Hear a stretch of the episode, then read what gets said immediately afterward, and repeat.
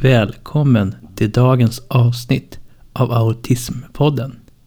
Idag ska vi prata om Buddha-konceptet. Buddha-konceptet handlar om eh, yin och yang och buddha.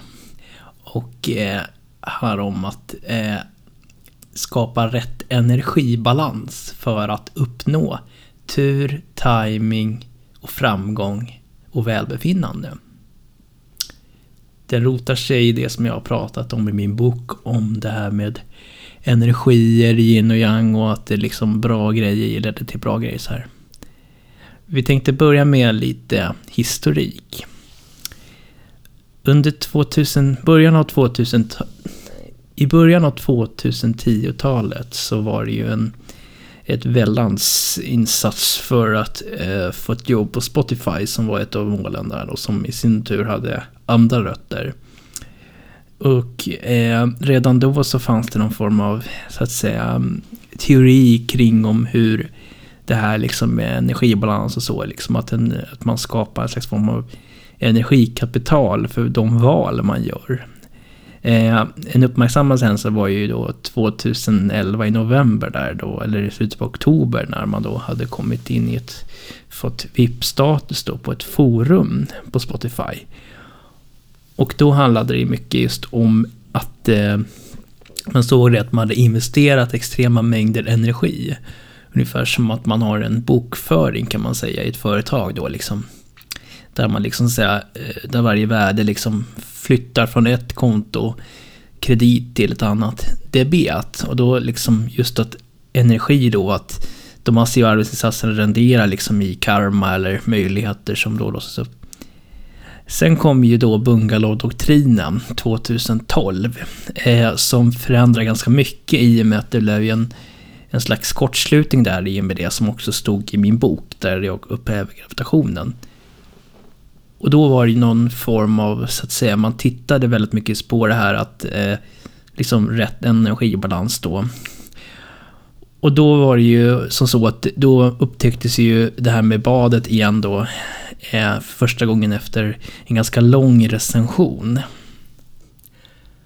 Och man började ju då direkt att hitta ett mönster mellan just eh, den akvatiska identiteten och Eh, då, den tidens eh, framgångsfaktorer då eh, på olika sätt då som någon slags form av transaktionssekvens då att man så att säga som då hette bungalowdoktrinen. Den var ju utritad efter kärleken då till den här Joy i 30 grader februari och liksom såg det som själva idyllen liksom. Som en slags form av, eh, vad heter det, paradis liksom och man hade lämnat då det här med karriären och Spotify på ett sätt som man ansåg hade liksom blivit ganska så, så att säga utåt, ja, utåt, eh, vad heter det, utagerat på något sätt. För att det hade blivit ett sätt där man liksom tyckte att det här kanske skulle bli för svårt att genomföra. Och då hade man andra mål. Sen då så lyckades ju det här då eh, skapa en positiv räntefördelning kan man säga då, så att man kunde liksom låta det här liksom kapitalet av liksom positivt växa och man kunde liksom göra fler olika saker, olika möjligheter då. Och då var det liksom arbetsmarknaden, energi in, energi ut och så kunde man liksom skapa liksom olika möjligheter. Vilket också ledde till det första jobbet då, 2014. Sen så, ehm, sen kom ju det här då, den här kollapsen då när två parallellvärldar som jag ser det kolliderade med varandra på grund av de, en tropisk puls. Och eh, svampkrisen då bröt ut och eh, som en atombomb då bara eh, förstör allting med en enorm tryckvåg och liksom det blir en kärnvapenvinter efteråt med totalt mörker när vi när svampen då hade förstört den här akvatiska grejen då, och blockerat den då. Arresterat den här så att säga badidentiteten då.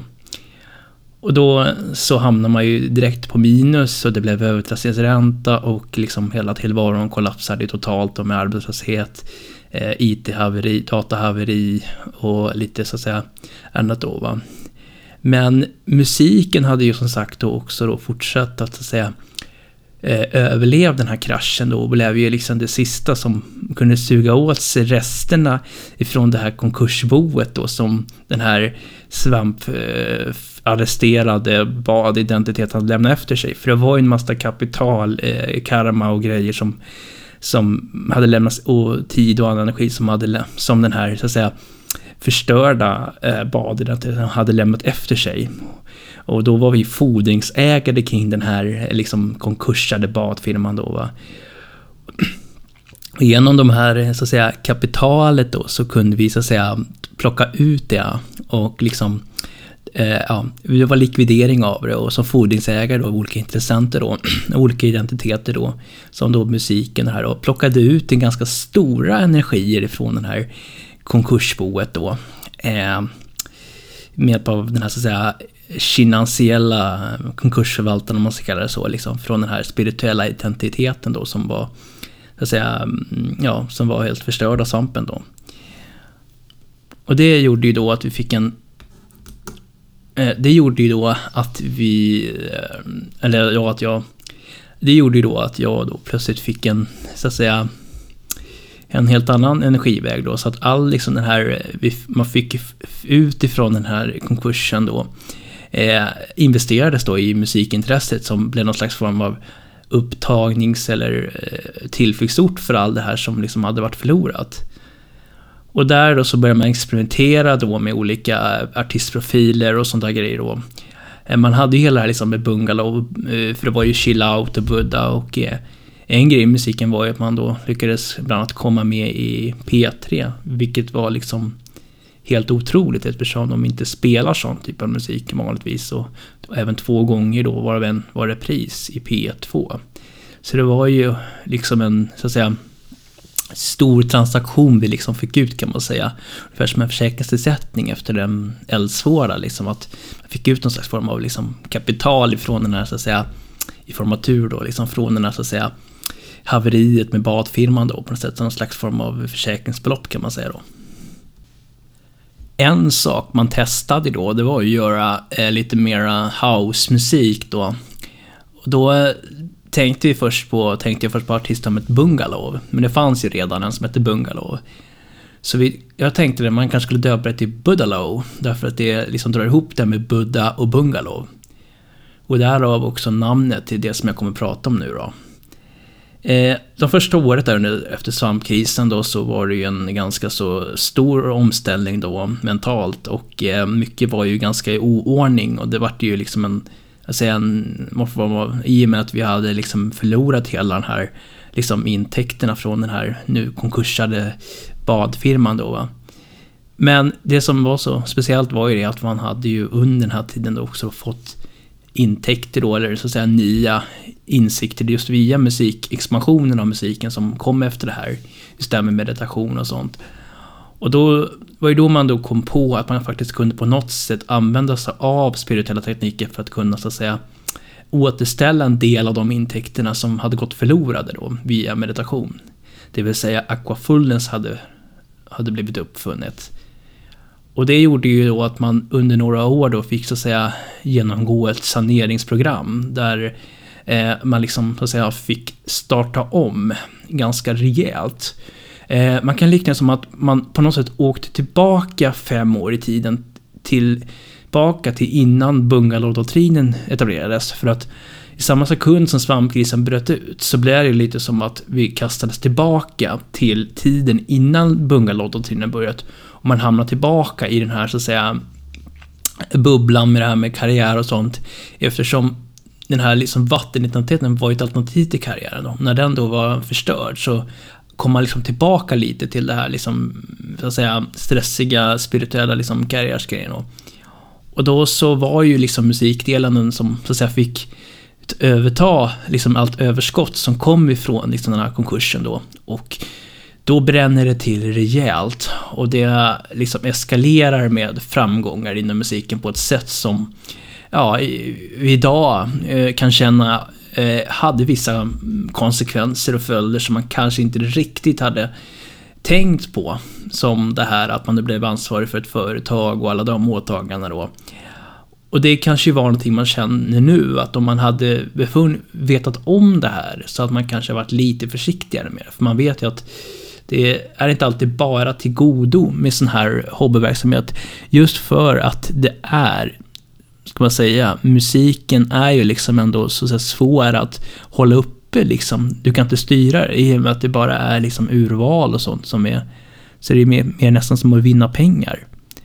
Och då märker man liksom att eh, man ställer in sig, utsätter sig för en situation där man så att säga nu då ligger i händerna på ett megaföretag som liksom kan radera ens inkomst på ett par sekunder. Utan att man förstår varför det inträffar egentligen. Utan att veta varför. Men jag har lite story om varför man då byter ut låtar och sånt från listor just för att det har med så att säga musiken, att det folk har stött och så. Men det är skillnad ändå, för jag menar gör du ett konsultuppdrag inom data, då har du ganska bra feedback. Gör du det här bra, ja då får du ett nytt projekt. Gör du det dåligt så, ja, då blir det inget bra. Va? I värsta fall får man ta tillbaka. Men du har liksom inte den här feedbacken på musiken på samma sätt och du kan inte styra det här. Och det skapar en oro eftersom man, när man då började liksom få fler spelningar så drar man på sig ett större ansvar för intäkter och man blir av med bidrag och skyddsnät och sånt och skaffar sig en identitet som visar på en större arbetsförmåga än vad man har. Så att när man väl eh, tappar igen så eh, tror alla att man är jätteduktig eftersom man har lyckats en gång att få några miljoner spelningar.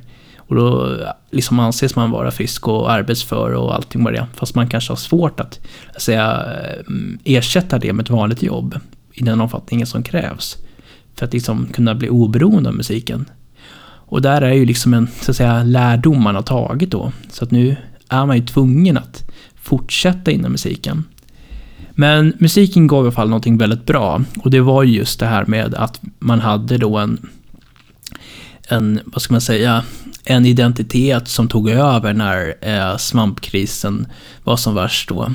Och det var där också då det här konceptet Budalov föddes kan man säga och fortsatte på det som hade börjat, som man hade påbörjat vid den här förr i tiden då, va? innan svampkrisen och det här med eh, Spotify-rekryteringen och bungalowdoktrinen som var för fem år sedan då. Men det som är kul nu, det, är, det som hände var ju då, är ju nu att man kunde, genom att man nu började så att säga utveckla det här konceptet, aquafullness, med såddning, eh, och eh, visualiseringar och drömaffirmation och sånt. Att man då plötsligt kunde få tillgång, en slags energi, från vattenenergi helt via en annan kanal. Alltså, det här är lite som när man gick från post till e-mail. Att tänk att posten plötsligt ransonerar all postutdelning på grund av klimatet. Då blir alla tvungna att skicka mail istället. Och då upptäcker alla att det går ju mycket snabbare med mail och det kommer ju fram direkt. Och det är den här revolutionen som har skett och som gav upphov till det här nya Buddhalov-konceptet.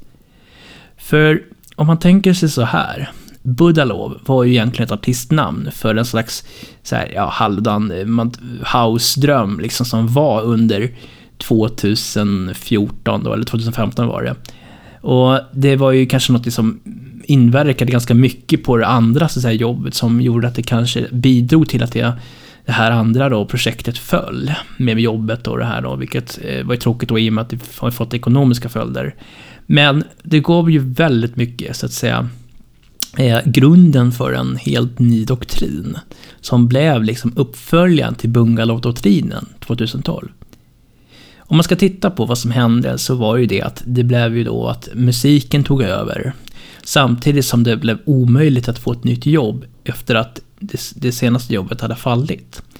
Och det var ju bland annat då för att det var ju mycket trassel just i och med att man bodde ju på den orten där man inte fanns så mycket jobb. De mesta krävde att man skulle vara på plats. Och de jobb man kunde göra på distans var ju mer liksom sådana här eh, extra projekt då. Men det gillade ju inte a-kassan, så man tackade ju nej till de här extra projekten. Och det började gå så pass långt så att man så att säga ja, var på väg att hamna på någon form av arbetsträning då med funktionsnedsatta. Och då sa vi det här och då, då tänkte jag det här att så här får det absolut inte bli. Och i värsta fall skulle det kunna leda till att jag blir tvungen att, att säga, förinta min musikidentitet och ta bort alla låtar.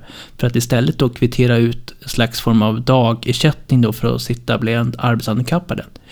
Förvisso var det tal om att anpassa arbetet efter så att säga, mina förutsättningar då, att kanske då få eh, jobba med någon form av dator istället för att packa lådor. Men ändå, det kändes ju som ett värdelöst förkastning. Och där så kom ju också den sommaren, 2016. Eh, och där hade man ju tittat lite på det här då. Det var en ganska dålig sommar. Den sommaren köpte jag en våtdräkt. För tanken var ju då att eftersom man inte kunde utnyttja sommaren eller badet lika mycket året om nu, då basängbad var liksom uteslutet och även då utomhusbad i bassäng, så var ju enda möjligheten då att använda sjön. Och den är ju lite som den är med tanke på att det är solen som bestämmer där och lite så här oberäkneligt om man säger så. Eh, och för mesta kall. Så där så kunde man ju fullfölja en annan dröm som jag hade sedan 2003 att ha en egen våtdräkt. Den kunde ju under lite roliga former gå i uppfyllelse där, så där var en liten tjing. Men det som var grejen att det var lite kallt ändå. Men på den tiden så var det inte såddningen ännu blivit tillräckligt bra för att den så att säga skulle kunna... Eh, det var fortfarande problem med väldigt höga kostnader, mentala kostnader, i och med att så att säga såddningen inte ännu hade så att säga blivit färdigutvecklad. Då var man ungefär version 0,5 på såddningen och eh, det var inte alls att säga samma eh, avkastning från såddningen när man följde som det var nu. Eh, men det som var då i alla fall, det var ju att eh, man ville utnyttja sommaren då.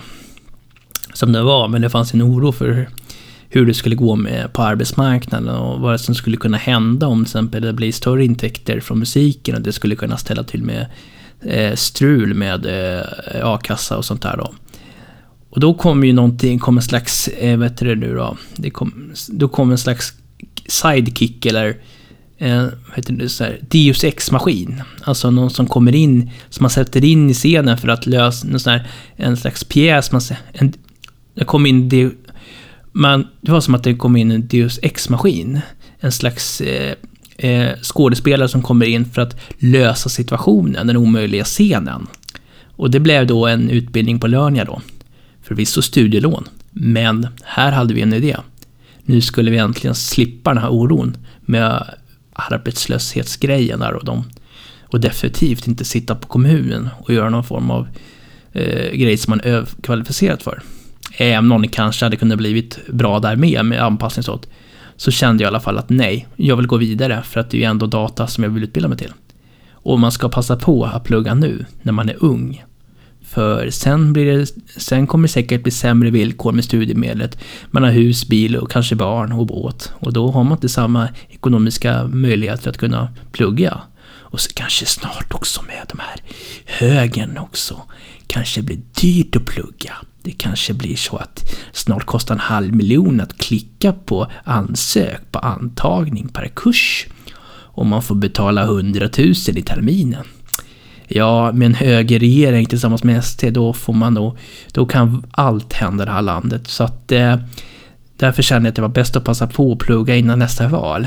Innan det kanske blir en höger som kommer till makten. Och se till så att det snart kostar en miljon. Att bara gå in på antagning.se.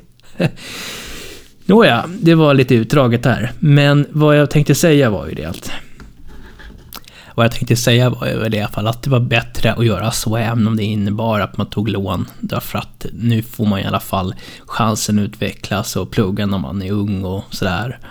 Och dessutom så slippa den här ångesten med arbetslösheten och de där, eh, de där konflikterna och trasslet som kan uppstå. För det tar massa energi och mentalt som gör att jag inte heller så att säga, kan utveckla de goda energierna och koncentrera mig på det som är bra. Så att man får liksom köpa sig tid kan man säga eftersom jag var, jag höll på att hamna i en omöjlig situation som jag upplevde det. Och då, och då är studielån det bästa därför att man ändå då får, så att säga, vad heter det? Ja, det är bra villkor. Skulle jag kolla vippen eller bli lemlästad så kan man faktiskt skriva av lånet om det skulle vara så. För att det finns ju vissa eh, skyddsbestämmelser som gör att man faktiskt får, eh, ja, man slipper eh, betala om till exempel skulle bli så pass invalid så att jag aldrig kan göra det som jag pluggat till. Så att därför så fortsatte jag så och då kunde jag satsa på mitt Eh, och där så började också min bok då, Jag upphäver gravitationen då, och skriva på den då. Eh, där då. Eh, efter att jag då också var med på en sån här film, eh, för Hjärnfonden. Och det var då jag började titta på det här nu med liksom, när man då utvecklar den här liksom spirituella eh, grejen då, så att säga, med aquafulness. Hur kan detta då göra, skapa en helt ny profil? Jo, därför att man börjar titta nu på eh, alla problem som man har. Och det handlar lite om den här balansen, att det är svårt liksom att kunna säga, hålla upp den här liksom, säga, stabila profilen där man liksom kan hålla ordning på grejer utan att hamna i den här loopen av liksom, säga, förhoppningsprojekt och att jag måste göra det här för att det kommer bli ännu bättre och det här kommer liksom lösa alla problem och så. Som exempel då att man tänker att nej, men nu ska jag skriva en ny hemsida så att jag liksom, eller en ny låt och så kommer det här bli liksom jättestort och så ja, kommer allting lösas för det. Och det är sådana där liksom grejer som gör då att man liksom ofta liksom hamnar efter med andra grejer då, så att säga. Eh, och liksom, just för att det är den här mentala som jag också skrev i boken om. Man liksom börjar förstå sånt när man gjorde den här boken. Liksom börjar förstå mig själv. Att eh, liksom, just det här med mentala grejer. Att, att just att, till exempel att jag sitter hemma och att, eh, att eh, man har många projekt och då blir det också mycket jobb. Man sitter liksom, för varje grej man, så att säga, eh, framgång om man tar, så blir det också en konsekvens för att det tar för varje framgång man gör och sådär så blir det liksom en en slags konsekvens. Att, ja, det blir mer att göra, eh, kanske mer som kan hända, mer som kan gå fel. Och så blir det liksom att man då glömmer bort tiden och sen så blir man då så hungrig så att man kan inte kontrollera sig. Och så blir det att man går ner och tar en kebab. Och det har ju varit en ekonomisk problem då. Men det har ju funkat väldigt länge eftersom de här spellistorna plus alla bidrag och allt som har varit under det har ju gjort att jag kunnat så att säga äta ute två, tre gånger i veckan och ha mathjälp från kommunen och sådana här grejer. Ganska dyra omkostnader. Då har man liksom kunnat finansiera den här liksom, så att säga, slösaktiga och liksom o, vet det, oplanerade livet där man liksom inte kan behöver tänka på att man liksom måste planera allt och alltså, skapa en, en stabilt blodsocker så att man inte hela tiden blir sugen. Utan det blir det här liksom, eller liksom säga, det som kommer först tar man liksom. Och det har ju varit flera konsekvenser av det, bland annat då att jag drog på mig en kreditskuld på ett kontokort och sådär och på tre ställen då. Eh, och så, så för det var liksom mycket det här vilda liksom att jag tar det här. Så det, hamnade lite ur fas då. Och sen också när företaget blev registrerat som Ja, så blev det ju ännu mer då i och med att man också nu gick i god för en bokföring och skulle göra alla de här satsningarna. Och, och då kommer ju också de här ännu värre problemen i och med att man så fort man hade fått den här F-skattsedeln eh, grejen så då pajar ju det mesta när det gäller skyddsnät. Man förlorar ju rätten till allting med a-kassa och arbetsbildning, vilket är helt naturligt. Men då kommer ju också problemet vad händer när de här så att säga eh, musiksläppen då minskar, eh, försvinner från listorna. För att fortfarande har det varit gamla låtar som har rullat väldigt länge på listorna. Så att man hänger ju väldigt löst på en gren. Och i och med de här intäkterna så tog man på sig väldigt stora omkostnader i form av bokföring och firmaregistrering och sånt. Vilket man måste göra också för att ja, skydda sitt namn, Eh, Eh, och inte heller så att säga bli dömd då för bokföringsbrott och allt så att säga, annat då. Att man, det blir liksom väldigt mycket mer grejer som så att säga kommer till. Och det gör också att, så att säga, själva nettovinsten av det man skulle få in försvinner också. I och med att det blir både skatt och man, man måste dessutom också skaffa en försäkring till företaget på, som kostar över vad är det, 300 kronor i månaden. Så här har man liksom plötsligt tagit på sig en helt tung liksom släp med last man måste dra. Eh, bara för att man liksom har den här så att säga eh, eh, bara för att man har den här så att säga draken i luften va. Och det tar ju ut lite av det här roliga på något sätt. För att nu var ju liksom musiket skapat någon slags nytt, jag säga, eh, eh, ny, ny grej liksom. Där man plötsligt står i den här. Och det är ju just för att det, för att fram till liksom, ja, förra våren då, 2017, så var ju musiken liksom som en hobby. Men när det liksom regelbundet kom så pass stora intäkter, då, då kom ju kraven på att, så att säga, skatta på det här och bokföra och så. Men eftersom man inte kan lita på att musiken kommer att fortsätta så här, för problemet var ju att det kom inte några nya låtar på listan på ett tag, utan det var ju bara samma låtar som rullade. Och de kunde ju försvinna när som helst ja, då fick man ta in IT-delen i, i företaget också. Då, det som man jobbade förut med arbetsmarknaden. Och eh, börja göra projekt då. Eh, eftersom låten rullade så behöver man egentligen inte göra så mycket. Utan då kunde vi fortsätta göra IT-uppdrag. Och det tillsammans med utbildningen då ledde ju till den här våren då 2018 med den här Tieto-möjligheten då där jag fick en sponsrad resa till Stockholm. Eh, det var just den projektarbeten och vilket blev väldigt bra. Och där kan man ju se då att det har liksom gått framåt i och med att företaget samtidigt som att allt det här liksom negativa, eller den här liksom bördan med bokföring och allting, så skapar det samtidigt en väldigt bra karriärsprofil. Därför att företaget är ett bra intryck då. Eh, därför att det är bättre liksom att söka jobb att men han driver eget, han är liksom duktig och yffelrik. Och det kan man säga att jag blivit.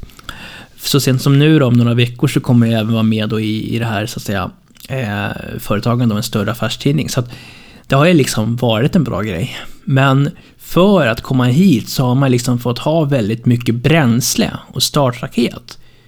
Och det är där liksom man har ju bekostat väldigt mycket. Man får stå för allting själv. När man är anställd, då, är liksom, då finns ju all utrustning på plats. Det är någon annan som marknadsför ditt företag. Det är någon annan som gör det du gör. Det. Du ska ju bara göra det som chefen säger. Men i och med att jag uppenbarligen inte klarade de möjligheterna förut när jag var på arbetsmarknaden, av olika skäl då, och kanske också olyckligtvis sammanföll med den här, så att säga, att jag eh, mamma dog och det här med andra så att säga, svårigheter då, så gjorde att det var svårt att leverera då, och svampkris och det här. Ja, då var det tyvärr så att jag inte riktigt lyckades hålla mig kvar som anställd. Och då blev ju musiken en slags bro över till den här nya ön, där jag nu provar att, att säga, jobba mera som konsult då och musik, vilket är ett bra upplägg så. Men nu kommer ju flera frågetecken och utmaningar här nu. Ja, för att precis liksom också då var under den här varma sommaren då, som man kallar för blodmånesommaren, eftersom det var en blodmåne under sommaren då, så börjar ju liksom det här gamla då, de här gamla liksom musikerna som nu har varit i två år, de här listorna, de börjar nu falla. Eh, man kan säga att det är lite som att spellistorna blev de här start, stora starttankarna med bränsle som gjorde att jag kom upp liksom mot rymden. Men nu börjar de lossna en efter en då, i och med att de har väl spelat så pass länge så att de snart kommer väl att, eh, jag ska säga, behöver komma med nytt. Men det svåra var ju att få in nytt material, vilket man också fick med en låt. Men det är ju ändå det att det är ingenting man kan lita på att det här kommer att fungera hela livet. Och dessutom har ju också Spotify börjat styra upp sätet också med att lansera musik så att de själva kan få lite mer kontroll över vilka som kommer in på listorna. Genom att man nu har bestämt att en release får skickas in åt gången. Och eftersom det är ungefär tre månader innan man ska skicka in, som minst, eller som max, eller man säger, så är det ju, innebär ju det att man i max kan göra en ny låt var tredje månad. Men skulle man komma in på en lista så kan ju det ge lite större intäkter då, som man får så att säga, plana ut över längre tid. Men där ser vi då att under den tiden då så ansåg jag ju då att det vore ju bättre att satsa på IT och det här.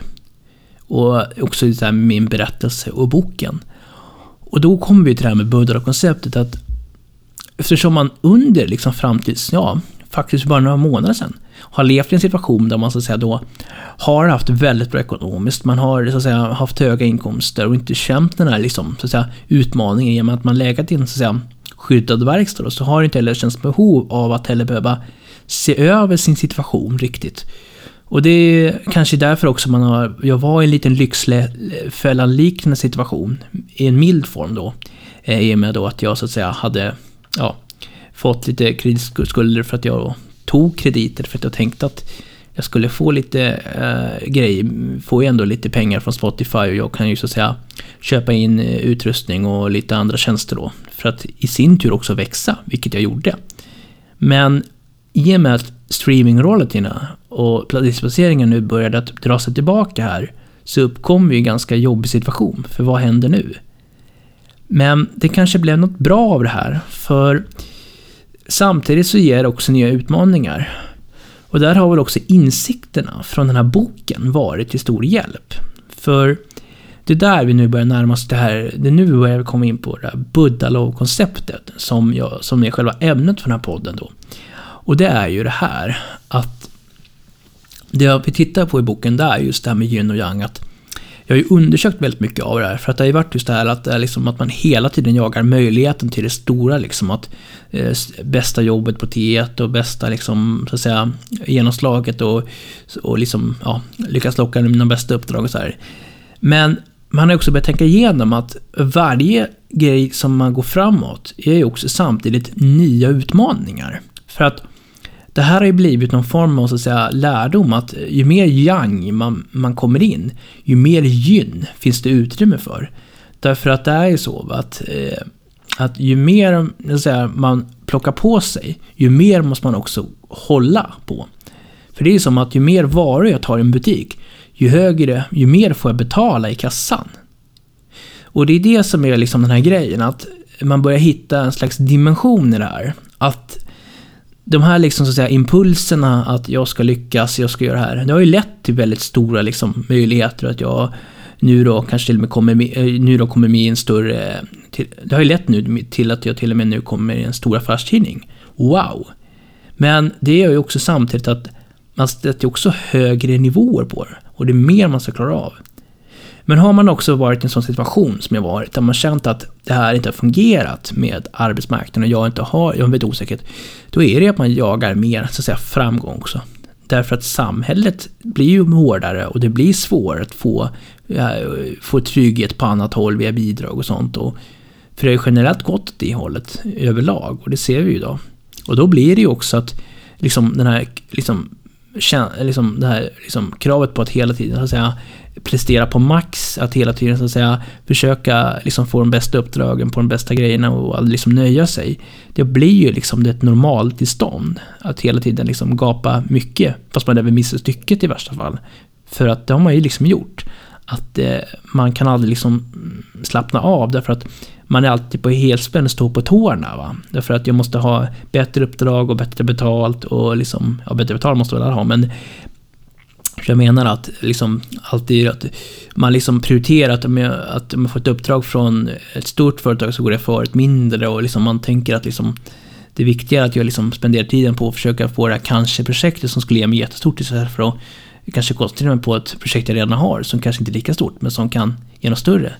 Vilket också var fallet i somras, vilket ledde till lite trassel. Så att just den här liksom storhetsvansinnet blir ju också någon slags bieffekt av att det här liksom samhället då eh, ja, blir tuffare och att man känner att man har inget skyddsnät och då måste man liksom säga, ja, jobba mer och försöka liksom få in mer. Och det har ju kanske lett till någon insikt att saker och ting kan ju också lättare bli trassligt ju mer man tackar ja till. Och det är då vi nu börjar närma oss det här med Buddha-konceptet. Därför att det är ju också under den här, här eh, tiden nu mellan 2015 till idag då så har ju nu då så att säga den här aquafullness-konceptet då utvecklas då just där.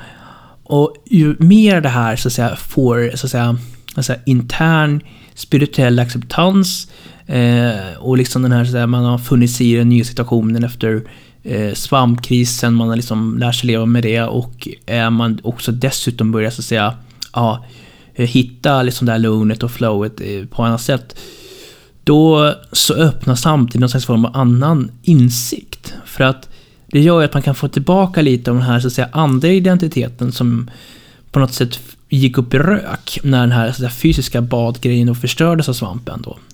Att eh, när jag liksom kan återigen liksom lever leverera eller jag säga leverage of the identity, alltså liksom återigen börja så att säga skapa med en virtuell när jag återigen börjar skapa mig en, så att säga, en akvatisk eh, inkomst, liksom spirituellt då. Fast virtuellt så känner jag plötsligt att jag kan börja släppa på en grejer som jag kanske känt att det här inte har varit bra.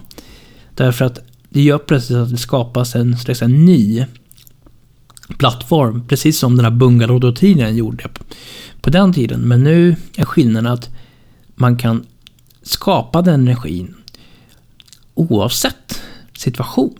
Och det är nu det spännande kommer här. För det är nu, när man då utforskar sig själv, Både genom att man skriver den här boken då och sen att man har genomgått de här faserna och allt vad man nu har bränt på pengar och energi på de här grejerna som varit lyckade och, inte, och respektive misslyckade och så vidare. Så har man kommit nu till en punkt där man upplever faktiskt att den här, så här aquafullness nu, den har faktiskt börjat eh, bli så pass bra med såddningar här därför att man nu har ett schema liksom hur man ska tänka och liksom komma in i det så att man liksom lättare kan få det så att säga på positiv nettoeffekt. Och då kommer man till en helt ny variant där vi kan uppleva att det plötsligt kan så att säga hitta samband som inte har varit förut. Alltså man ser det ungefär som att man blir medlem i någon form av nätverk. Jag kallar det för Buddalo. Slags spirituellt nätverk. Där jag upptäcker också att det finns helt andra samband. Därför att själva det här akofullness och spirituella eh, grejen med vatten och kunna generera spirituellt. Det visar ju också att det finns en helt annan dimension som kanske kan påverka på ett annat sätt än vad man tidigare har tänkt. Därför att nu har man kommit in på det här liksom med spirituell energi och skapar det här och exponeras för det här med liksom under den här tiden som man har, jag har byggt upp det här aquafullness. Och då hittar vi något mycket intressant. Och det är det som jag kallar för Buddhalov-doktrinen. För vi pratar just om det här att liksom med hemmet och att man liksom inte lägger energi på det här för att man inte orkar ta tag i det. För att det liksom är så pass mycket man hela tiden måste här, stå på tårna och prestera. Men i och med att man nu börjar se att det finns ett samband mellan det här med maghälsan, ätande och de här speciella så kallade pulserna eller harmoniska kickarna som aquafullness genererar i drömmar. Och att det faktiskt kan finnas någon form av, vad heter det, frekvensband man kan påverka genom rätta val. Och det är här som det nya, intressanta har börjat komma. Man kan se det som ett konto på ett nätverk att det finns tre olika nivåer. En minusnivå, en normalnivå och en plusnivå. Eller VIP-nivå som det också kallas i Buddalo. Minusnivån, det är den jag har varit på väldigt mycket. Därför att jag bränner ut resurserna i förtid och tar krediter, både ekonomiskt men också liksom att jag liksom tar lyckan för Jag äter en god glass för att det liksom ger mig lycka nu. Men kommer det sen kosta mig i skulder till hälsa och sånt där? Precis som att jag köper någonting nu för andras pengar och så får jag betala sen och så kan jag inte det. Så hamnar jag i skuld.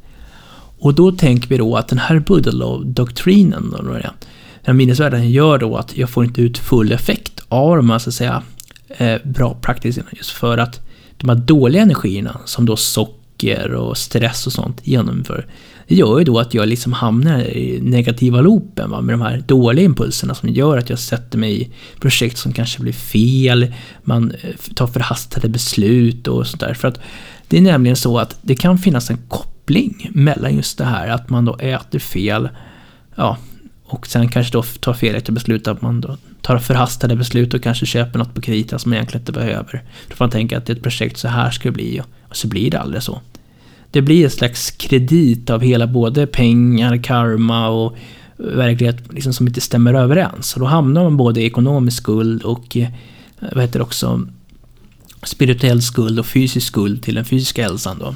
Så det blir det här liksom en slags felaktig transaktion.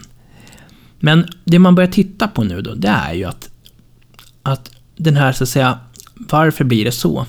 Jo, det är ju att det finns ett behov av att snabba belöningar då. Så kallad eh, låg självkontroll. Att ungefär fram tills nu så har det ju liksom funkat hyfsat med låg självkontroll. Därför att det har varit stora buffertar, både ekonomiskt, socialt, som man kunnat så att säga ta emot när något har gått fel.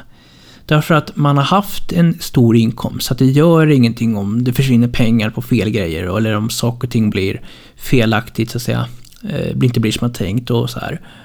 Och då har det inte heller liksom behövt, då har man, då har man kunnat leva så här liksom med den här snabba impulsen då att eh, man tar saker före och sen så att säga få pröjsa för det sen då. Vare sig det gäller att få ut lycka i förskott genom att äta godis som sedan kommer att kosta en. Både i hälsa så. Och det blir lite slags kredit både liksom på det här. Och det är just för att man då har haft en ganska dålig mental likviditet så att säga. Vi kan likna det som ett företag där man kan säga då att din dopaminet eller det här liksom som gör att du kan uthärda något är väldigt lågt. Så att du kan inte vänta på att få betalt innan dina egna räkningar förfaller. Vilket gör att du måste låna pengar till hög ränta för att kunna betala dina räkningar. Som ett företag alltså. Att jag gör en insats som kostar mig pengar, jag säljer varor, köper in varor. Men jag har inte så mycket pengar på banken så att jag hinner inte... Jag kan inte betala mina räkningar innan kunden betalar min räkning. Vilket tar mycket längre tid. Och då sitter jag där och blir vräkt från mitt kontor. Och för att inte bli det så måste jag ta ett jättehögt lån. Och det här lånet gör att mitt företag får en större skuld och dålig likviditet. Som i sin tur gör det kanske svårare att få ett annat lån eller kanske till och med få ett förtroende från en leverantör. Det här blir en cirkel alltså. Och det är det här jag pratar om självkontrollen då. Att man har haft en väldigt dålig självkontroll. Eh, och liksom just att man har varit tvungen att få belöningen direkt.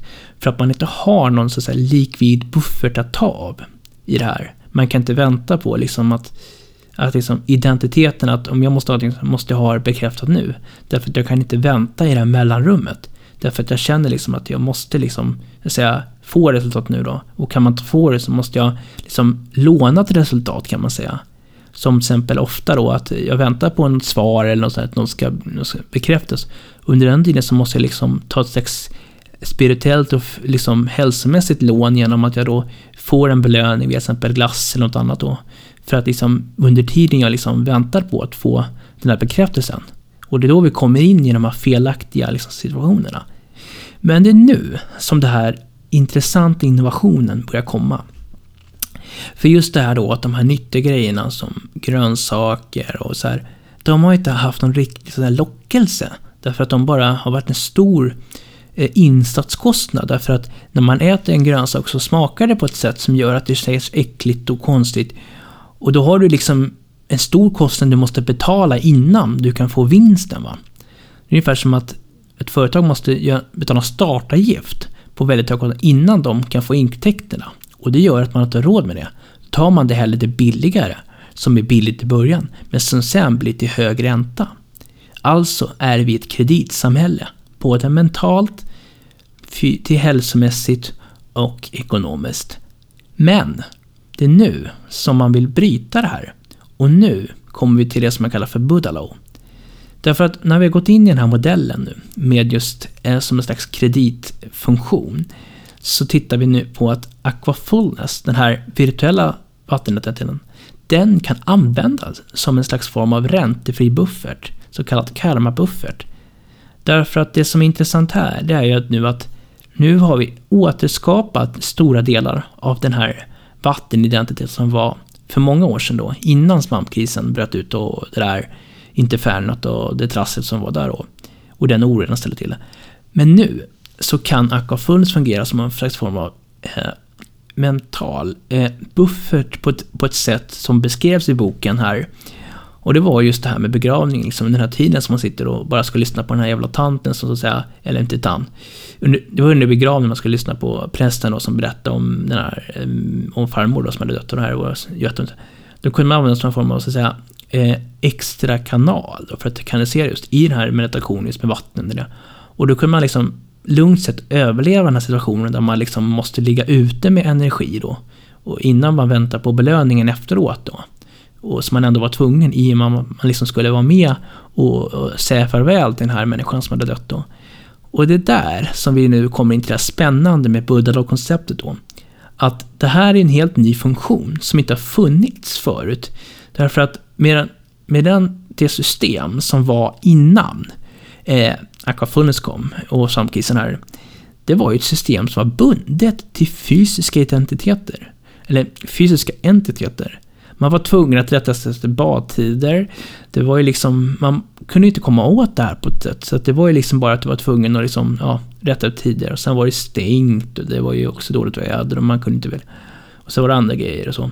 Och då hade man ju inte så att säga samma möjlighet att använda sig av den här liksom vattenenergin eller vatten för att, så att säga samtidigt då använda som en buffert i andra situationer där man liksom så behövde få någon slags form av medlare internt då, eh, mentalt, för att kunna liksom uthärda en längre eh, så att säga, situation som inte kändes så att säga, perfekt va, innan man fick belöningen. Och det är nu som den här då, i och med att den här är helt oberoende av tid och rum, så får vi plötsligt en helt ny möjlighet som aldrig har funnits förut. Och här kommer många intressanta tankar. För här kommer ju också drömmar jag haft. Att tänk om det här hade kunnat funnits för 20, 15 år sedan när jag gick i skolan. Liksom ett sätt att, istället för att gå ut och reta tjejerna så att jag liksom kunnat ja, meditera mig under de här minuterna jag fick vänta på rasten till läraren kom. Och där har jag drömt om att jag liksom skulle kunna applicera det då och kanske löst många problem i skolan. Men det var en helt annan grej, för då var inte jag liksom lika mogen. Men det här blir helt nytt. Och det här kommer som någon form av bieffekt eller på köpet av den här, liksom, vad, vi egentligen, vad som egentligen började som någon form av hantering av en, en, en, en annan gris, den här svampkrisen då, som också var omfattande. Men vi får ju helt enkelt så att säga en helt nytt verktyg då. Att på något sätt skapas en intern kredit eller en buffert. På något sätt då. Därför att jag ser det då som att det finns en parallellvärld med en akvatisk enheten. Och den kan användas då som en slags form av broker. Ungefär som de här faktura, vet du, fakturaleveranserna, de här som man kan, factoring. Att jag fakturerar en kund, men, faktur till, men då fakturerar jag istället ett annat företag som betalar direkt och sen kräver de in pengarna av min kund.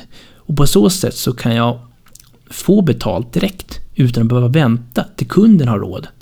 Och det är lite samma typ av grej, att vi då skapar någon form av så att säga förmedlare av energi eller belöning som på så sätt kan skapa någon form av float rent finansiellt. Där vi liksom kan lagra energi inom aquafullness som en form av så att säga eh, grej där. Och det som nu då är, kan ta det vidare, det är då att man nu också kan se det här med mat. Att de här så att säga, intressanta delarna är ju att i och med då att man skapar någon form av så att säga, självkänsla via den här typen av dealbroker, eller så att säga karma, vad heter det, energi, eh, bank då som då akvafonet blir, buffert eller vad man ska kalla det för. Så tänker man också då att det här kanske också då kan styras av vilka val man gör. Att just det här då som att grönsaker, att grönsaker då, det liksom smakar bitter så här. Men den här bittra smaken, den har ju varit liksom en slags mot, liksom någon slags portvakt som gör att jag inte vågar ta tag och äta det här som jag känner att det här måste jag ändå äta. Och så blir det att man tar liksom, för att det är liksom, för att det har med association att göra. Därför att just det här med skräp, matläsk och sånt, det har en koppling till känslan av framgång, lyx och helg och sånt där.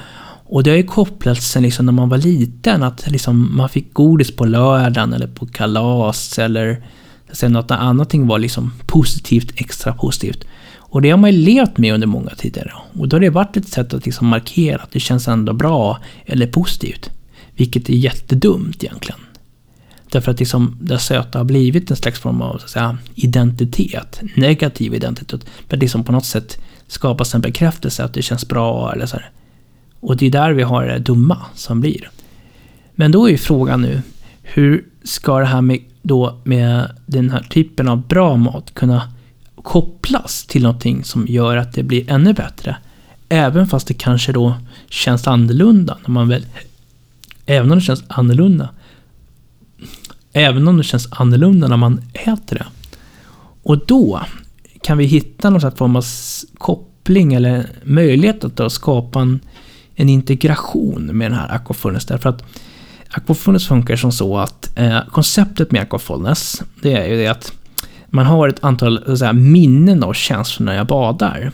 Och de minnena finns ju lagrade, ungefär som ja, eh, filer, man ser docker eller data, man kan säga att det är som A-bilder i minnet, ungefär som man har diskabilder eller andra liksom mätdata. Så att säga. Det finns liksom lagrat på disken, sådana här liksom A-bilder, den känslan man har när man badar, de intrycken och sådär. liksom. De A-bilderna finns ju liksom på hårddisken. Och Aquafones funkar som så då att man visar ut intryck då, till exempel när man tittar på vatten. fungerar då som en indexpekare som gör att man kommer tänka på den här sköna upplevelsen när jag badade. Och då kan man liksom lägga upp den på så kallade minnesstacken eller tankestacken högst upp. Och då återskapa den upplevelsen igen, bara i själva tanken, via meditation. Och det är det som är Aquafulness. Och då finns det olika sätt då, va? för att man kan titta då att systemet utvecklats så att det började liksom med att först var det en, en grej bara för att, så att säga hantera det här liksom problemet att jag inte kunde bada på grund av svampen. Det var ju liksom som en sån grej. Och sen liksom utvecklas det som ett sätt att liksom hitta fler användningsområden för det. Ungefär som när man hittade, ungefär som man uppfann andra grejer, va? eller penicillin till exempel, när man också ett misstag som skedde. Och så upptäcker man att men det här är en stor upptäckt. Därför att i början så var det liksom väldigt mycket det här liksom att jag tänkte kanske mera pragmatiskt. Så det blev liksom den här, eh, så här, det blev mycket liksom att man tappade bort sig. Det blev mer liksom att man eh, blev fördjupad, mycket tankar utan och så blev det ingen meditation istället bara jobbigt för en och frustrerad. Och så hamnade man på minus. Och det blev inget bra. Men nu har man liksom kommit längre in i hur de här liksom processerna ska gå till. Hur, liksom, hur man ska liksom skapa sin här liksom... För det handlar ju om att Akafullen är en form av, ungefär som en slags, vad heter det, uh, vad heter det? Eh, det är ju en slags trestegsprocess. Därför att det börjar med att man först måste så att säga sådda, som det jag kallar det för. Och det innebär att hjärnan då måste liksom ställa sig in på att det, när liksom öppnar sig för den här känslan av att bada, fast man inte gör det. Och det kan vara just att utsätta sig för intryck som påminner om de här upplevelserna. Det kan vara liksom att vara ute och känna lukten av liksom vatten eller höra vatten och sånt. Då har du en slags form av såddning därför att du då Eh, gör liksom, så att säga, vad heter det, du skapar intryck som gör att du skapar den liksom, så att säga, det kommer upp på minnesstacken då. De här så att säga, de läggs då, indexen då skapas då i minnet. Och sen då i meditation så kan du liksom på något sätt visualisera dem så att du liksom får upp dem direkt och förnyar de här liksom upplevelserna inne i själva liksom hjärnan. Och då är det ju det att det som är viktigt här och det är ju att det som för att det ska fungera så måste man vara väldigt avslappnad, för annars så blir det bara en frustration. Och det sämsta är ju om det finns en fysisk möjlighet att bada, för då blir det ju någon konflikt där eftersom den fysiska ger alltid ett högre bud. Och då pajar hela systemet, det blir bara massa ångest och skit. Och så var det ju under värmen, för då blev det ju bara en, så att säga, för att man försökte använda sig här när det var dåligt väder, men det är bara en diskussion inom sig. Men han kan ju gå dit på riktigt, hur varmt är det? Det blåser så, men det går väl bra. Ja, så det blir bara liksom en... Då, då kom, får inte systemet riktigt det tillstånd det behöver.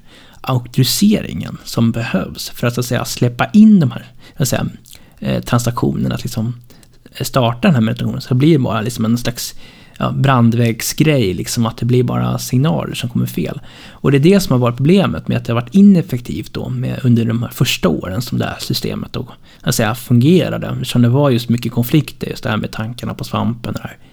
Men i och med att det började lägga sig och man nu började hitta liksom strategier för det mentala, för att nu alltså, komma in i rätta flowet, så har ju det blivit mer effektivt. Och det är då man så att säga kan rulla ut så att säga, och expandera den här Aquaforens till flera nya olika att säga, projekt eller, eller delar då. Eftersom det i början bara handlade egentligen om att, att säga, lösa den panikångesten efter det här med svampen. Så kommer man liksom mer in i underfund med vad är det egentligen man vill uppleva, vad är det för känsla och vad är det som är viktigt att visualisera så att man inte överbelastar systemet.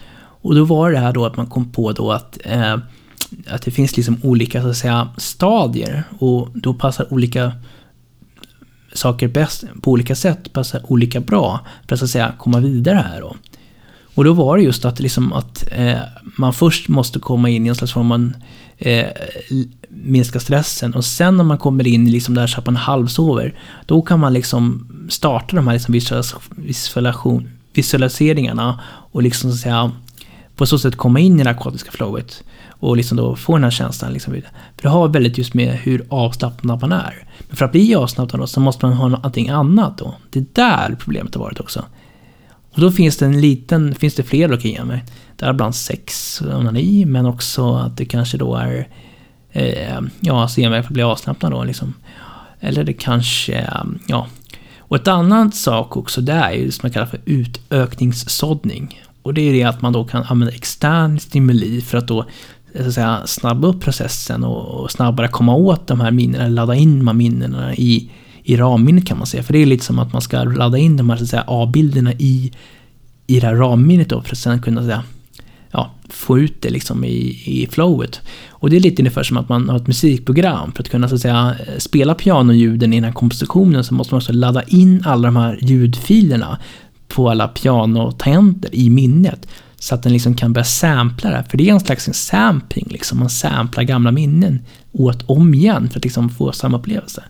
Och för att kunna göra det så måste liksom minnet finnas utrymme i minnet på datorn och det får inte vara massa andra program som tar energi för att klara inte liksom den samplingen då. Och liksom generera den. Och då blir det ofta liksom att det blir istället konflikter inom den. Och det är det här liksom, så att säga, koordineringen och planeringen som man nu har börjat lösa.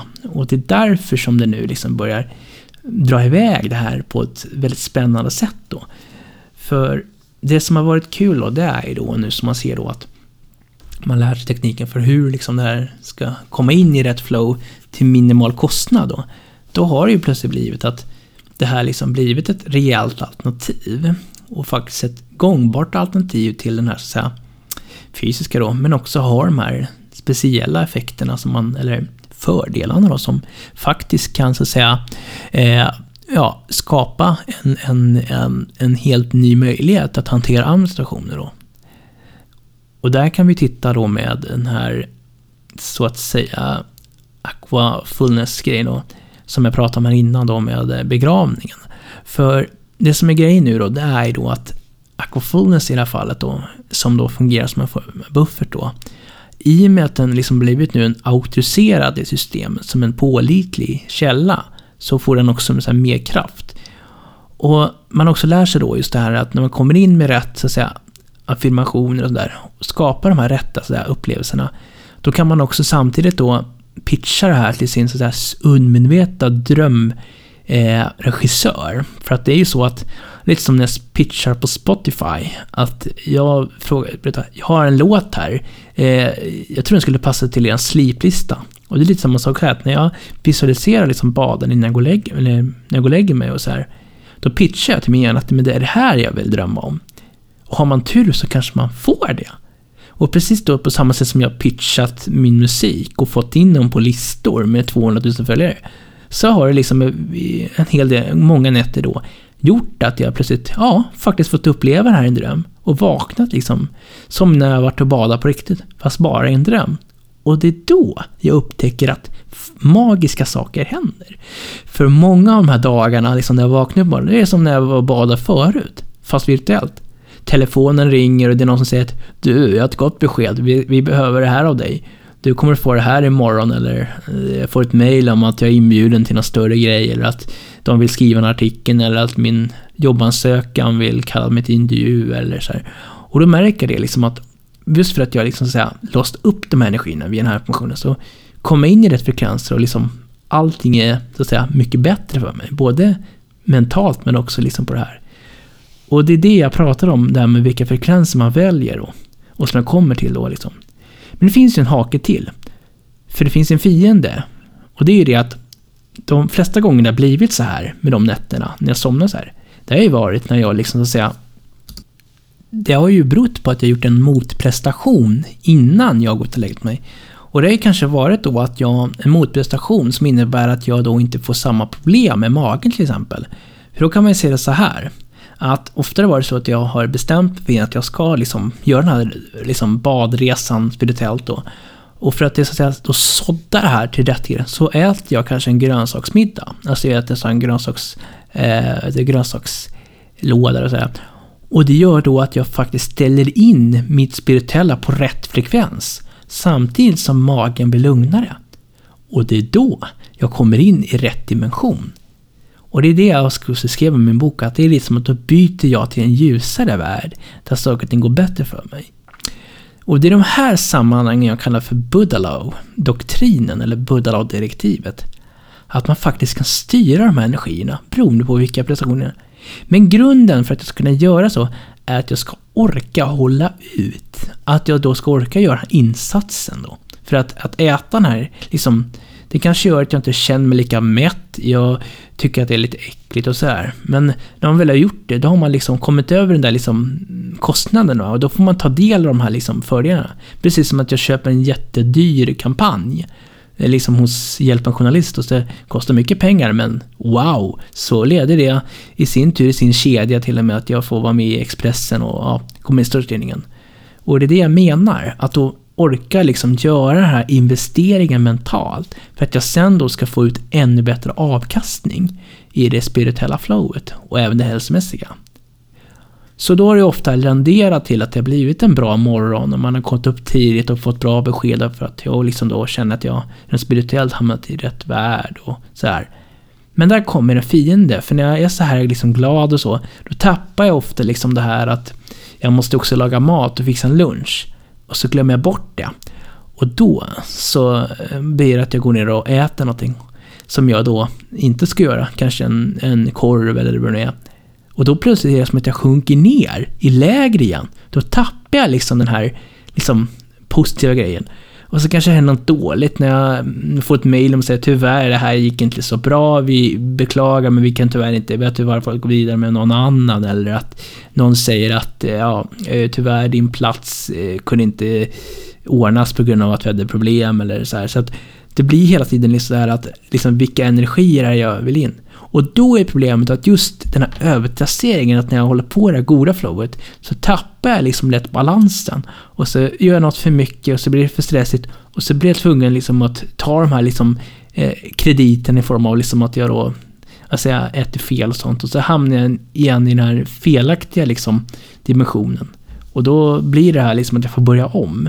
Därför att jag då hamnar i liksom osäkerhet och det här med ångest igen då. Liksom att oj, någonting gick fel och, och så får jag ont i magen och så. Och då blir det liksom att jag kan aldrig hålla uppe och så hamnar jag tillbaka i det här liksom dåliga. Det är kanske lite långsökt att tänka att eh, mitt jobbansökan blir godkänd bara för att jag eh, åt eh, frukost och sen så, eh, eller åt grönsaker igår och middagen och sen hade den här sköna drömmen och sen när jag, efter att jag ätit den här korven då, då såg det annorlunda ut när jag mejlade honom. Det är ju bara liksom tillfälligheter. Det kunde ha varit så ändå, än om jag inte äter någonting. Men man liksom ändå tänker liksom att det har varit lite just de här spirituella kopplingarna, att det ändå blir som att jag försämrar liksom min energi. Så att det blir liksom på något sätt att det förstör lite av de här goda grejerna jag bygger upp, va? det här goda flowet. För det är det jag menar, det här liksom det, det är faktiskt, det vi pratar om, det är faktiskt här kan man tänka på Love of Attraction och det är det jag faktiskt är inne på med Buddha Love, just det att det är Love of Attraction. Att jag liksom har en, finns en annan dimension där liksom alla mina samhällen finns. Och det jag gör kommer påverka min relation spirituellt. För att även om de nu inte vet någonting om att jag äter fel eller har gjort någonting bra, så påverkar det deras beslut kanske undermedvetet. Därför att det går energier på det här spirituella planet. Det här är lite new age-aktigt, men om vi tänker så här. Att när jag gör rätt grejer och visar min rättighet, då utstrålar jag på det så kallade kollektiva, det här alltså, metafysiska planet, god energi. Att jag är en god person, jag delar med mig av goda energier, jag följer naturens lag, jag äter rätt och hälsosamt. Då kanske det är så att den andra personen som jag liksom ska jobba med, eller då göra uppgift för, så här, de får liksom undermedvetet den spirituella att ja, men jag är en bra person. Och så kanske de då på något sätt i sitt beslut, fast de inte tänker på det, att ja, men vi ger honom den här platsen, att vi, vi du, han, han får det här jobbet eller det här, vi ger uppdraget. Och sen liksom när jag pajar det här, ja, då kommer det ett nytt dåligt mm, saldo som inte tänker på det. Ja, sen känner man att ja, men vi kommer inte hinna det, det här känns svårt. Vi får det. Och då känner man att nej, nej, vi får nog ta och byta person eller att nej, det får bli annorlunda. Och så blir det förstört, liksom man, man har byggt upp. Sen kan det även också vara direkt, även på det fysiska planet också, att den dåliga maten då gör ju att man så att säga också får gas i magen och då blir det svårt att koncentrera sig på det man gör. Vilket också gör att man kanske då missar till exempel leverera det man ska göra i tid eller att kanske till och med man glömmer bort att, säga, att svara på det mejlet man ska göra eller skicka in de uppgifter man behöver.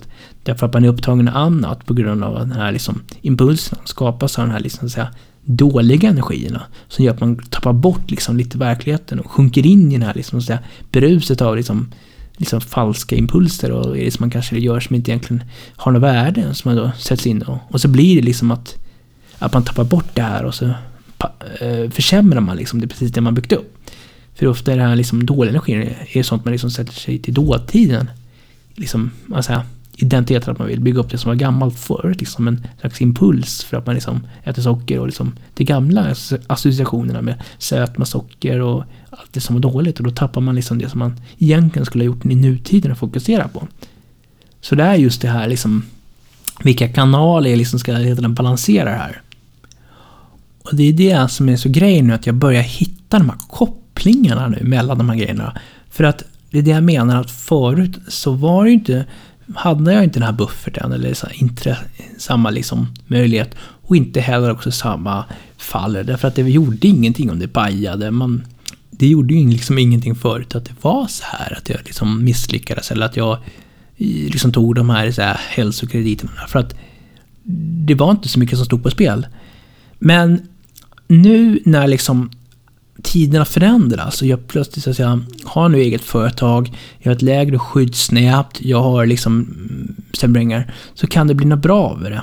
Därför att det då fordrar mig att plötsligt tänka att hitta de här liksom, samtidigt då som jag då har hittat det här med att nu börja tänka på det här, liksom kopplingen att försöka bibehålla den här balansen, liksom, så att jag hela tiden är inne på rätt frekvenser.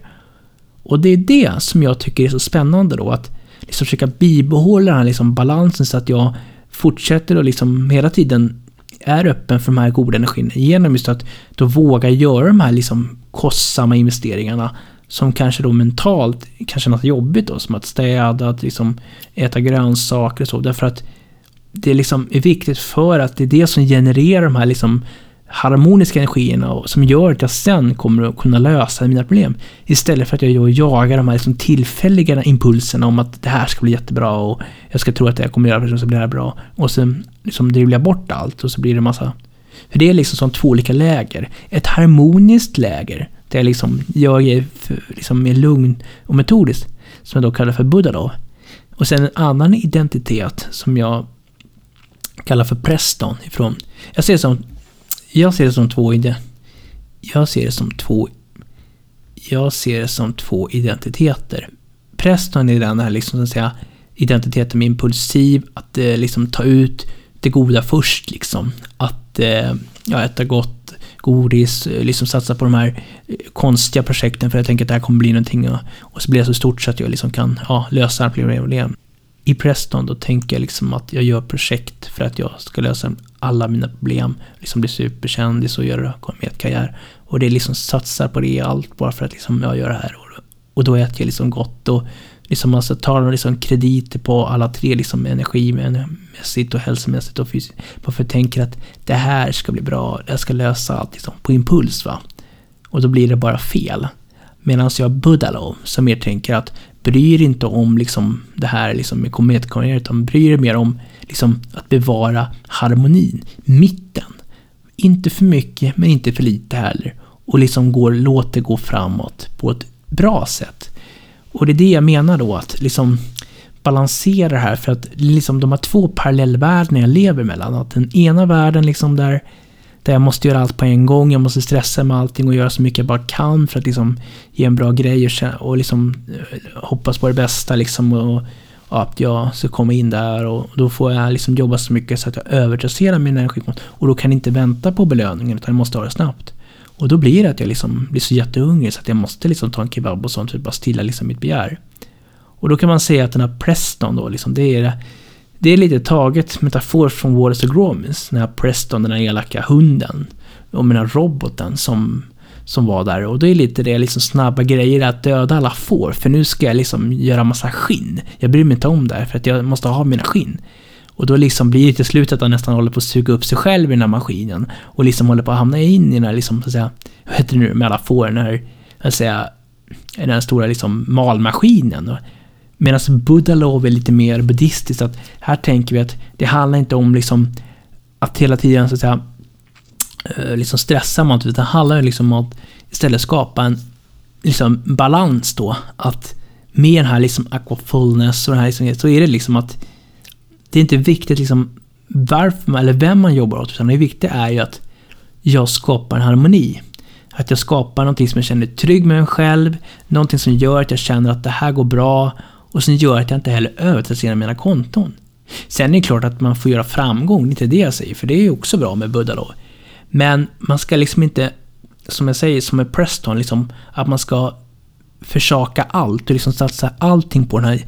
För Preston handlar just det här att satsa allt du kan bara på det. För att få den liksom extrema framgången. Eh, förhoppningen liksom på något galet sätt som härrör till gamla identiteter. Mot att med Budalov satsa mera långsiktigt. Att liksom, det måste inte liksom bli något jättehäftigt nu, man jobbar med nu. Men ändå liksom så att jag känner att det känns bra. Och då kan man liksom också jobba i en lägre takt så att man liksom känner att man inte övertrasserar de här liksom energierna. Och då kan man också ha mer mental energi, att säga äta rätt också. Det är där som jag liksom vill hitta den här kopplingen. För det handlar liksom om att för att kunna bibehålla den goda energin så måste jag också samtidigt ha energi kvar så att jag kan upprätthålla de här bra transaktionerna. Att klara av transaktionskostnaderna för de goda transaktionerna så att jag fortsätter uppåt. uppåt. Och det är där jag vill att Afaka Fullness ska komma in, vilket det inte har kunnat gjort för många år sedan. Ja, och där är jag alltså idag då med eh, den här... Där är jag alltså idag med Aqua Fullness och det.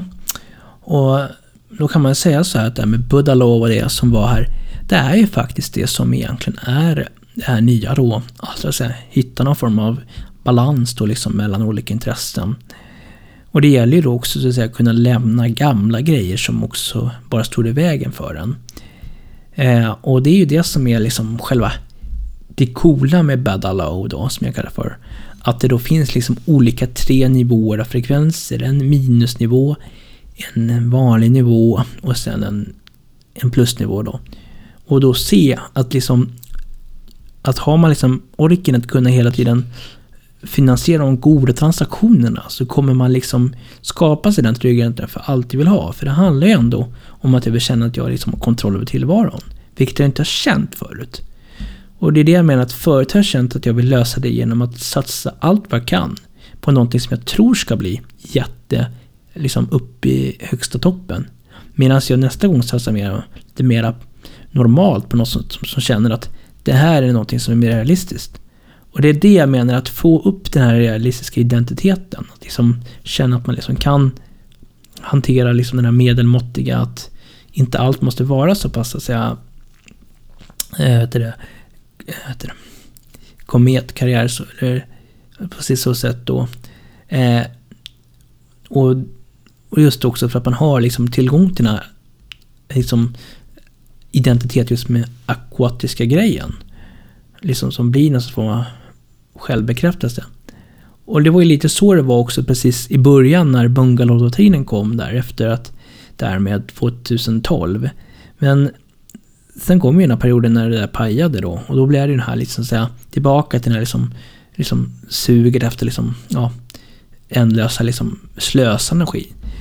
Men nu när man är här idag, där energin faktiskt är så pass annorlunda och man också är i en situation där man också faktiskt inser att saker och ting är väldigt ömtåligt och osäkert. Att man kan inte lita på inkomster och därför ska man inte heller satsa på det sätt som man gör förut. Liksom. Ja, då får man ju liksom acceptera det. Men då måste man känna att man också kan släppa sånt som faktiskt inte är jätteviktigt heller. Men som kanske känns viktigt för att man tror att det är någonting som man skulle kunna göra. Eller så att säga, det här kommer lösa allt. Som att liksom, om jag kommer in i den här liksom bloggen eller vad det är, så kommer det göra att jag blir liksom influentiell eller vad det är. Och så kommer jag liksom, ja, få massa pengar och så kommer det lösa alla mina bekymmer. Men istället tänker man att det kanske är bättre ändå liksom att satsa på där man är, liksom där jag är idag. Men det är klart att jag skulle tycka det var kul att få gå framåt och jobba med bloggar och det. Det säger jag inte nej till. Men det handlar om att jag inte vill så att säga, satsa alla ägg i det här som jag gjorde förut. Liksom att pengar och energi. Utan att mer ha en jämn fördelning. Därför att det mer handlar nu om att vara i mitten. En slags form av, att säga, mer yin och yang. Därför man känner att man måste liksom värdera och prioritera vad man liksom vill göra.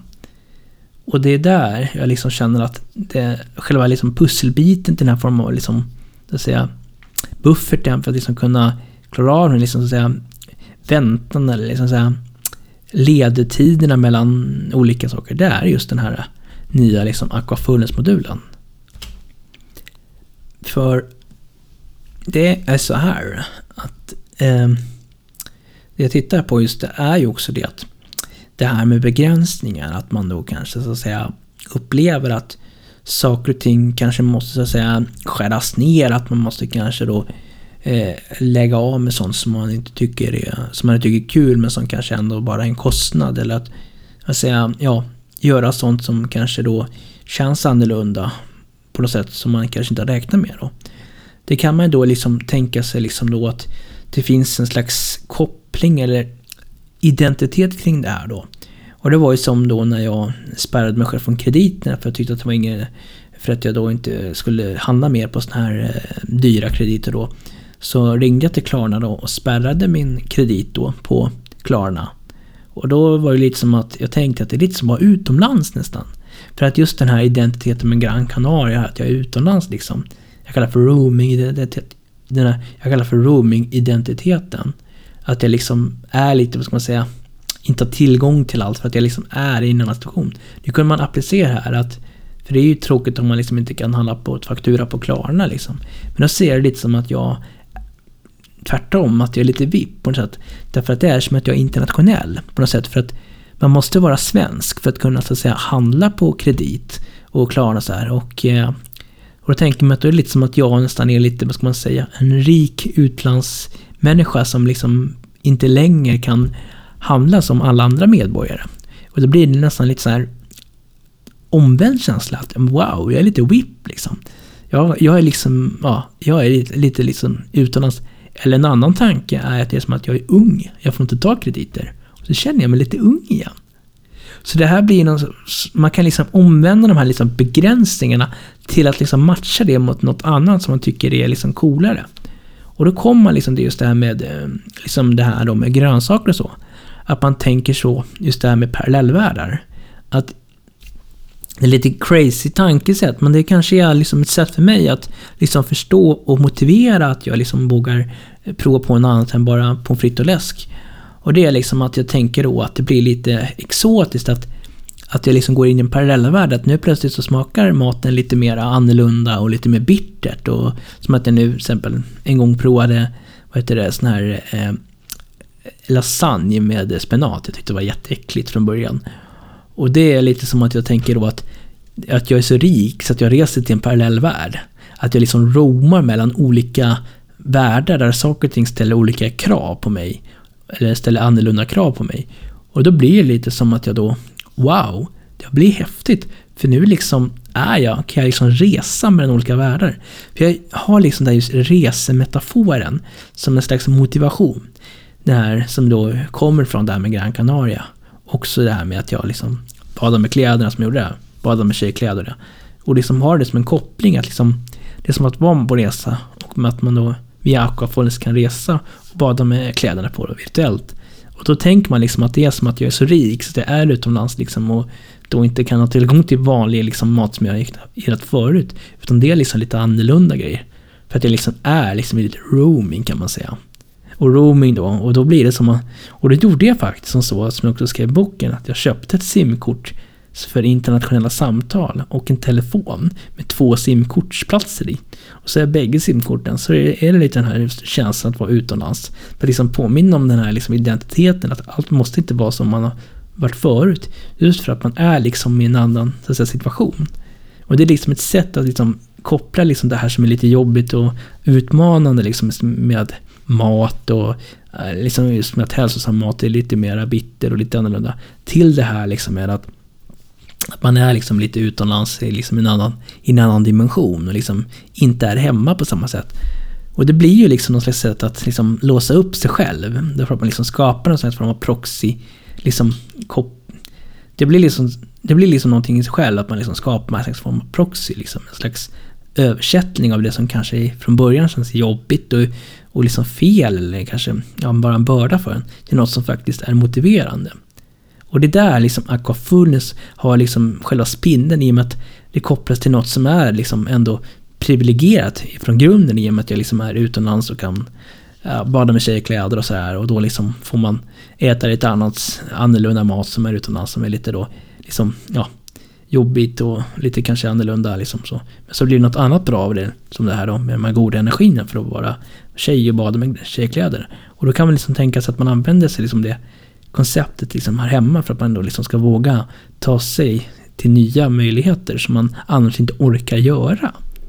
Så det blir det här liksom att man på något sätt skapar någon form av slags databashack. Liksom man försöker skapa liksom genvägar i systemet eller adresser till de olika medlen. Så att liksom den här säga, smaken eller liksom upplevelsen av nyttig mat som annars då känt att det är bara tvång, liksom nyttig mat, gud vad äckligt, varför måste man äta det här? Det är så dumt liksom en, en arg gammal tant som säger att man måste äta allt som är bittert och sluta äta godis och och då blir det liksom att det blir en tråkig grej liksom. Men nu är det istället, istället för att man tänker att det här är nyttigt, så liksom tänker du så att det här är en exotisk grej. Att kopplar det liksom till min exotiska identitet. Att det är som att jag är så rik att jag är i en exotisk situation. Det är liksom äter något helt annorlunda. Och samtidigt liksom kopplar det till att ja, men, jag har också tillgång till fullness och där. Och då är det liksom att vara utomlands på något sätt.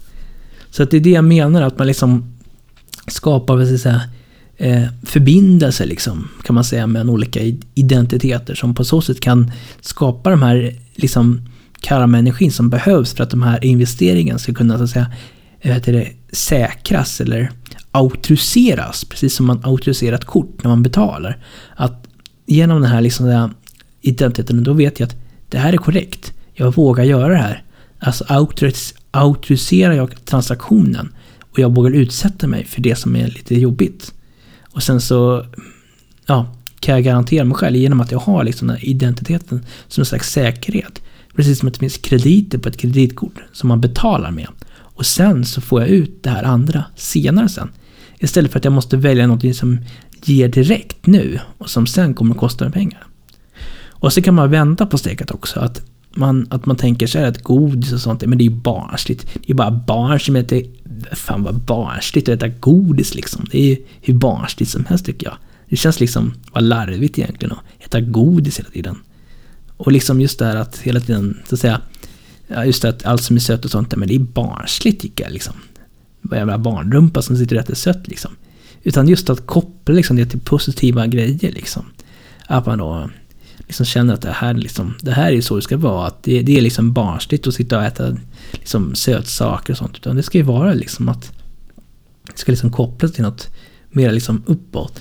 Och det är då man också tänker sig då att just det här med definitionen av vipp och rik och att då att när jag liksom så att säga äter rätt, då är jag också, kommer jag liksom in i rätt grupp i den här liksom spirituella eller eh, metafysiska, för det finns liksom en metafysisk profil jag har.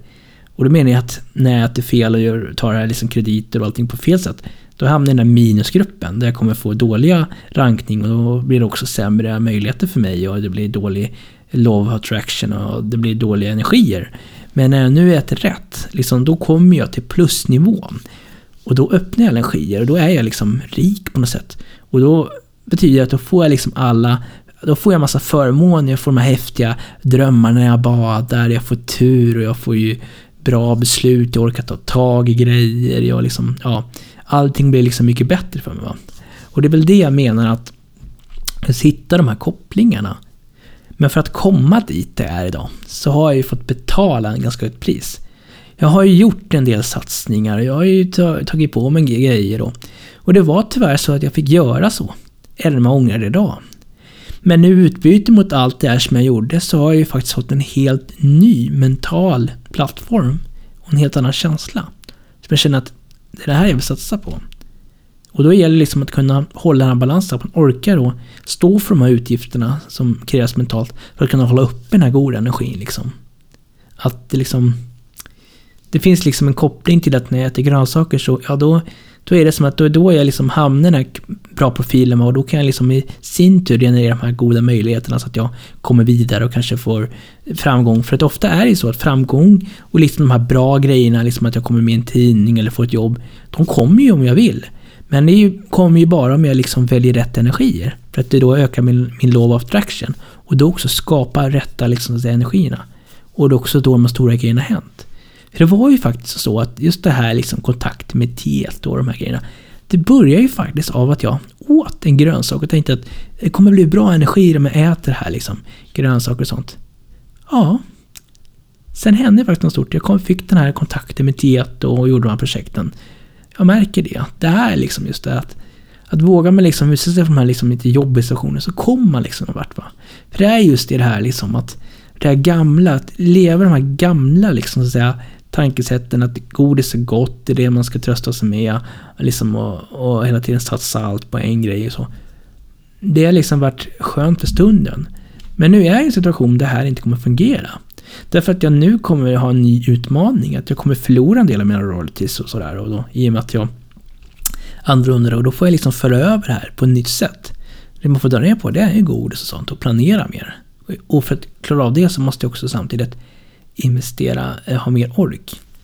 Så det är just det här liksom, att på något sätt skapas en annan liksom, ekonomi för att sen skapas en annan ekonomi, en slags metaekonomi.